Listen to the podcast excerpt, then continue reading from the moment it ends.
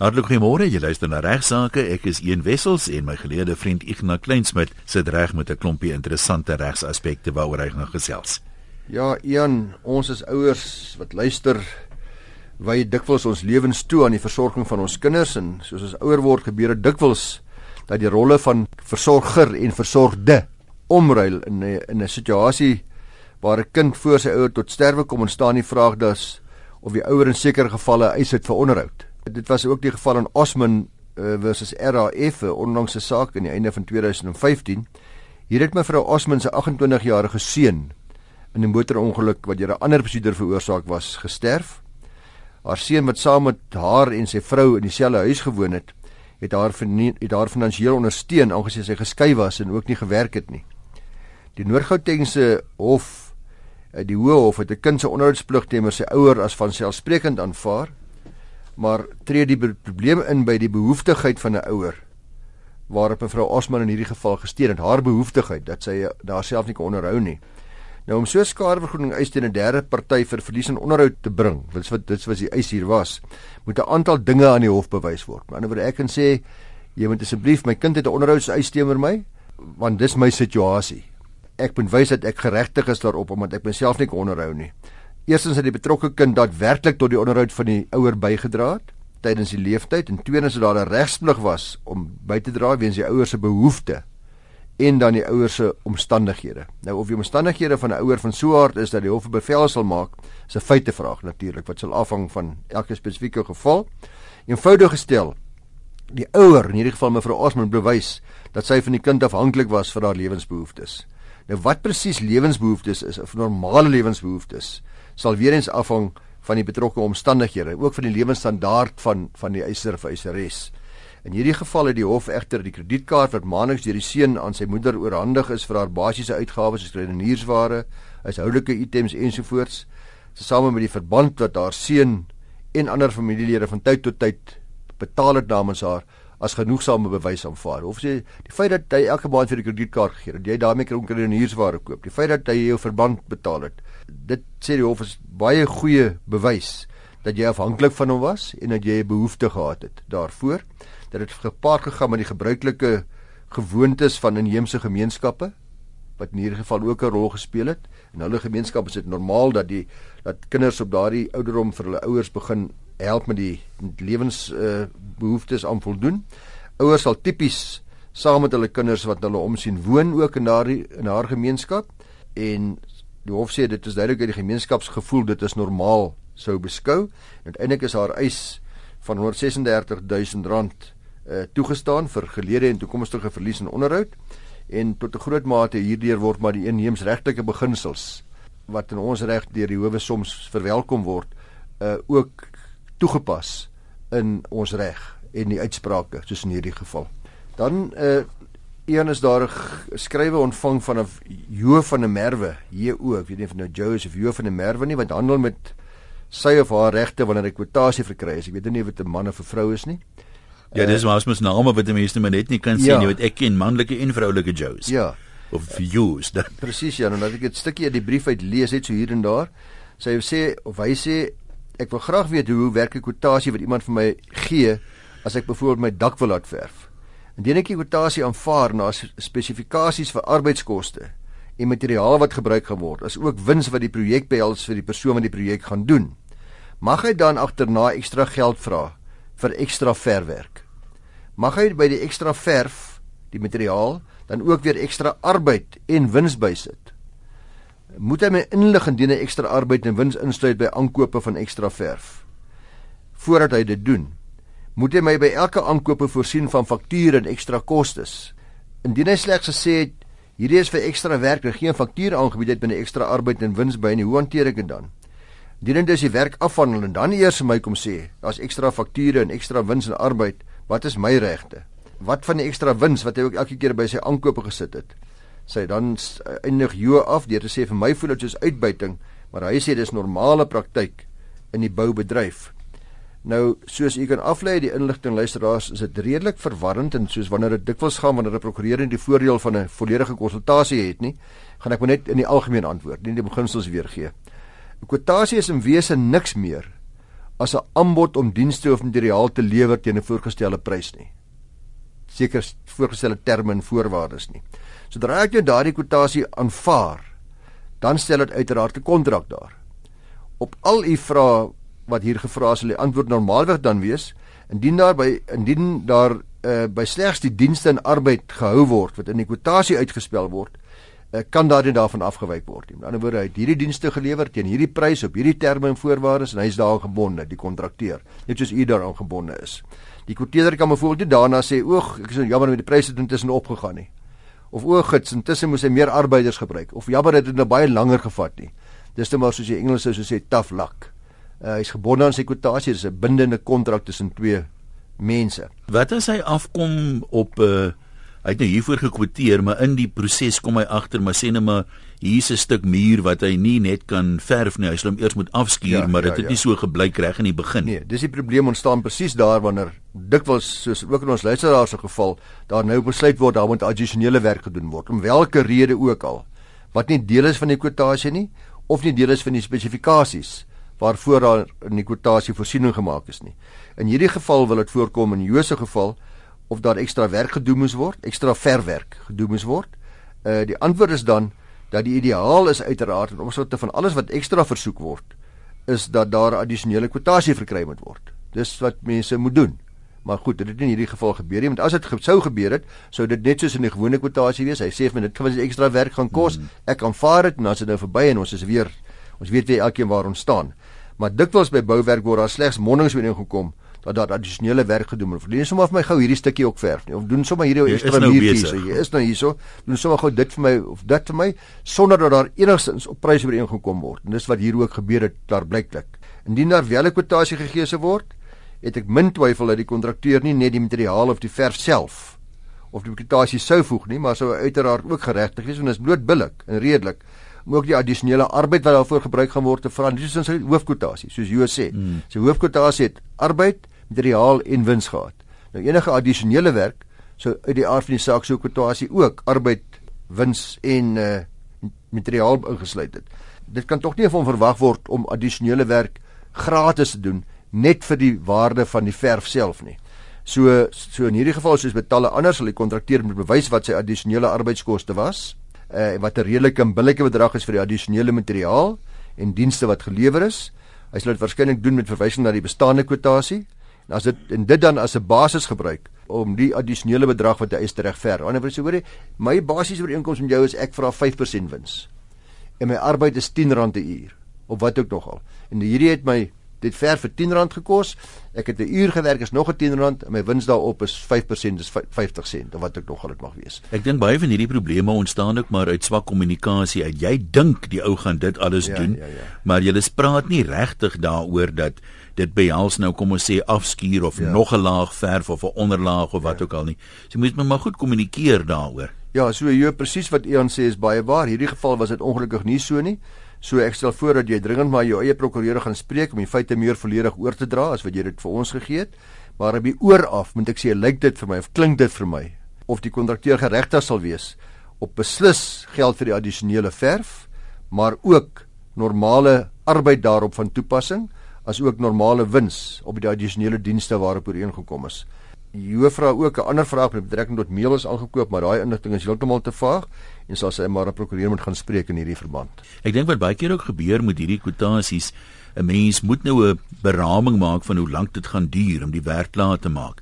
En dikwels is 'n mens mos maar half optimisties in die begin, maar nou sloer die arbeiders bietjie en met bouprojekte sit jy dikwels met iets soos reën. Daar's nou weeromstandighede En dan dink ek raak dit nogal vir die bouer moeilik as dit langer duur, nou sy onder druk.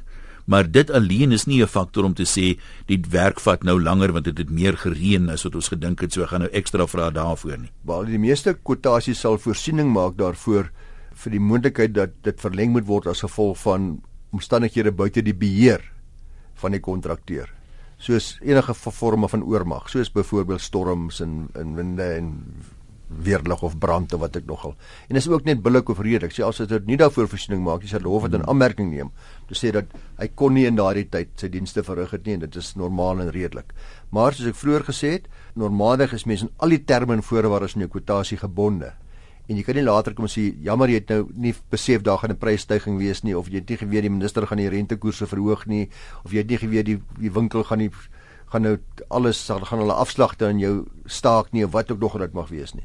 So dis vers, wees versigtig as mens kwoteer om voorsiening te maak vir eskalasies uh wat jy nie kan voorsien nie en uh wees net so versigtig om wanneer 'n mens werk wil laat doen om eers te vra vir 'n behoorlike kwotasie. Ek sê dit by ons kantoor vir al die kandidaatprokureurs voor jy advokaat opdrag gee, voor jy enige diensverskaffer vra of 'n spesialiste is om derde party werk vir ons te doen, vra eers. Ek dit was nie dis was nie 'n skande vir iemand te vra wat gaan dit kos nie.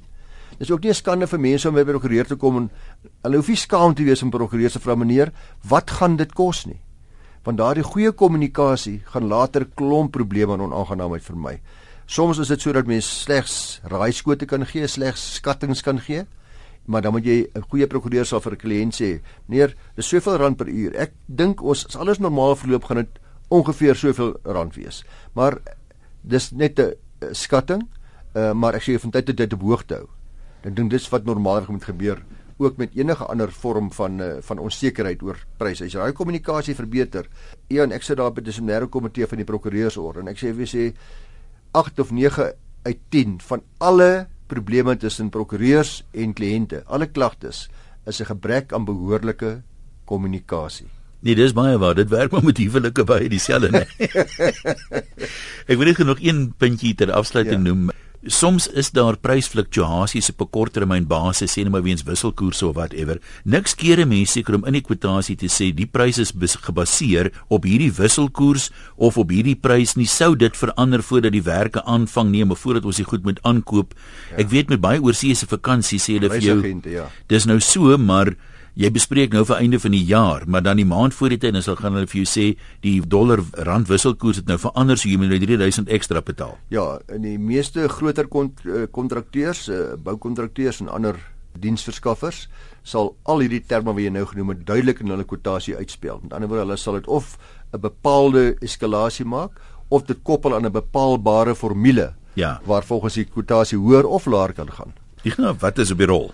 Ek weet dat uh vir almal wie afdrie ouderdom nader luisteraars het nog 'n traumatiese en emosionele ondervinding kan wees. In die meeste gevalle het ons dan 'n ooreenkoms met die werkgewer waarin die afdrie ouderdom bepaal is en is baie duidelik dat uh die persoon dan kontraktueel verplig is om op daardie ouderdom af te tree.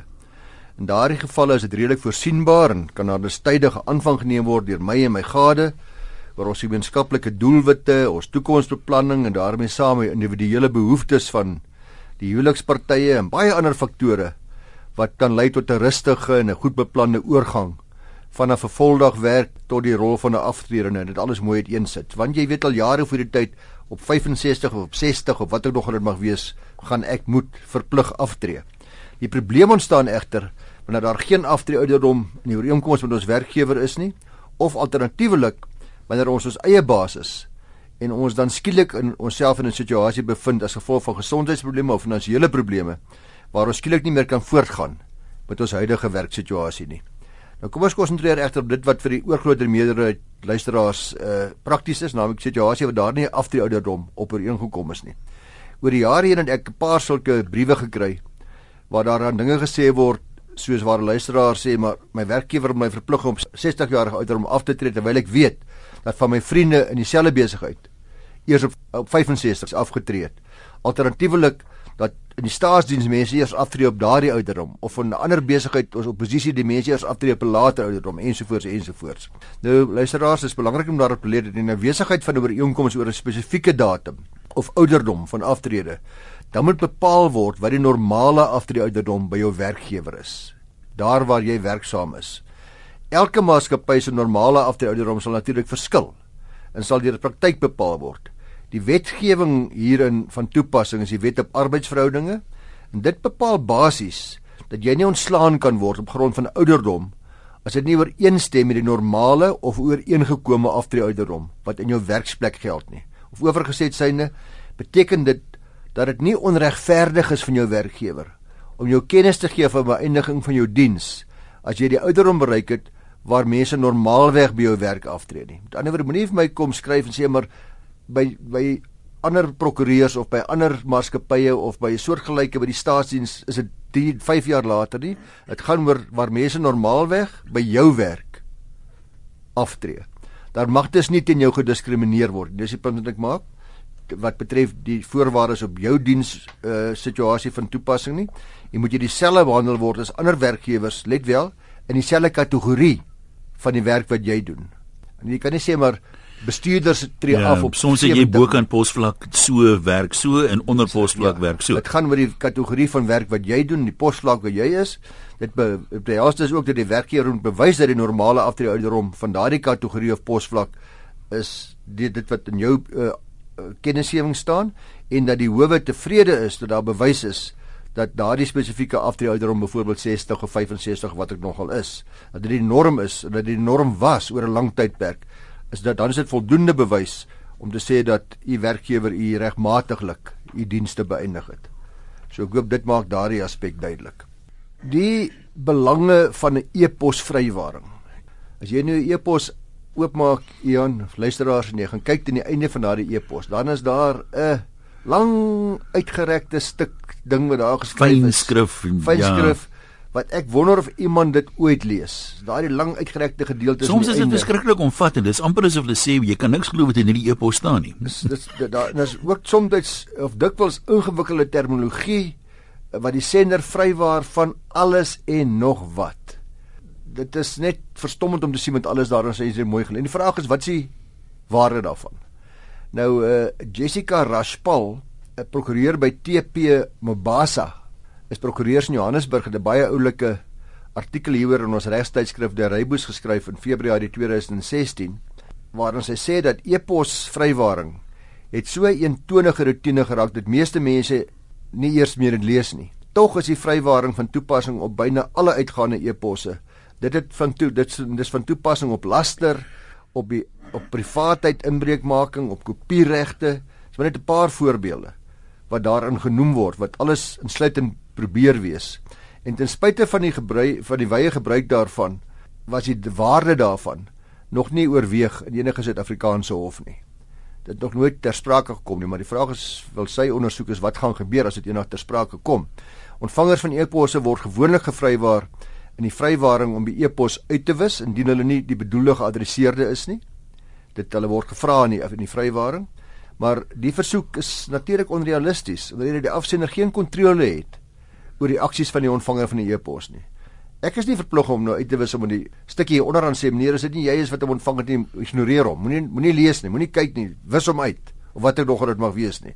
Ek kan tog sekerlik besluit of ek die e-pos wil behou of nie. Uh sien nou dat die e-pos in elk geval iewers in my rekenaar se stelsel agterbly word in elk geval nooit werklik uitgewis in die ware sin van die woord nie.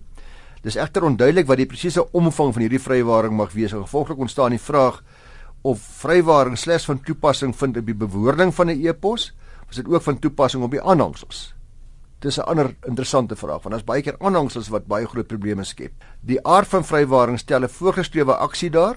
Moet daar oorweeg word of so 'n aksie bindend is omdat die ander party, ek die ontvanger, nou nie die geleentheid gehad het om toe te stem nie.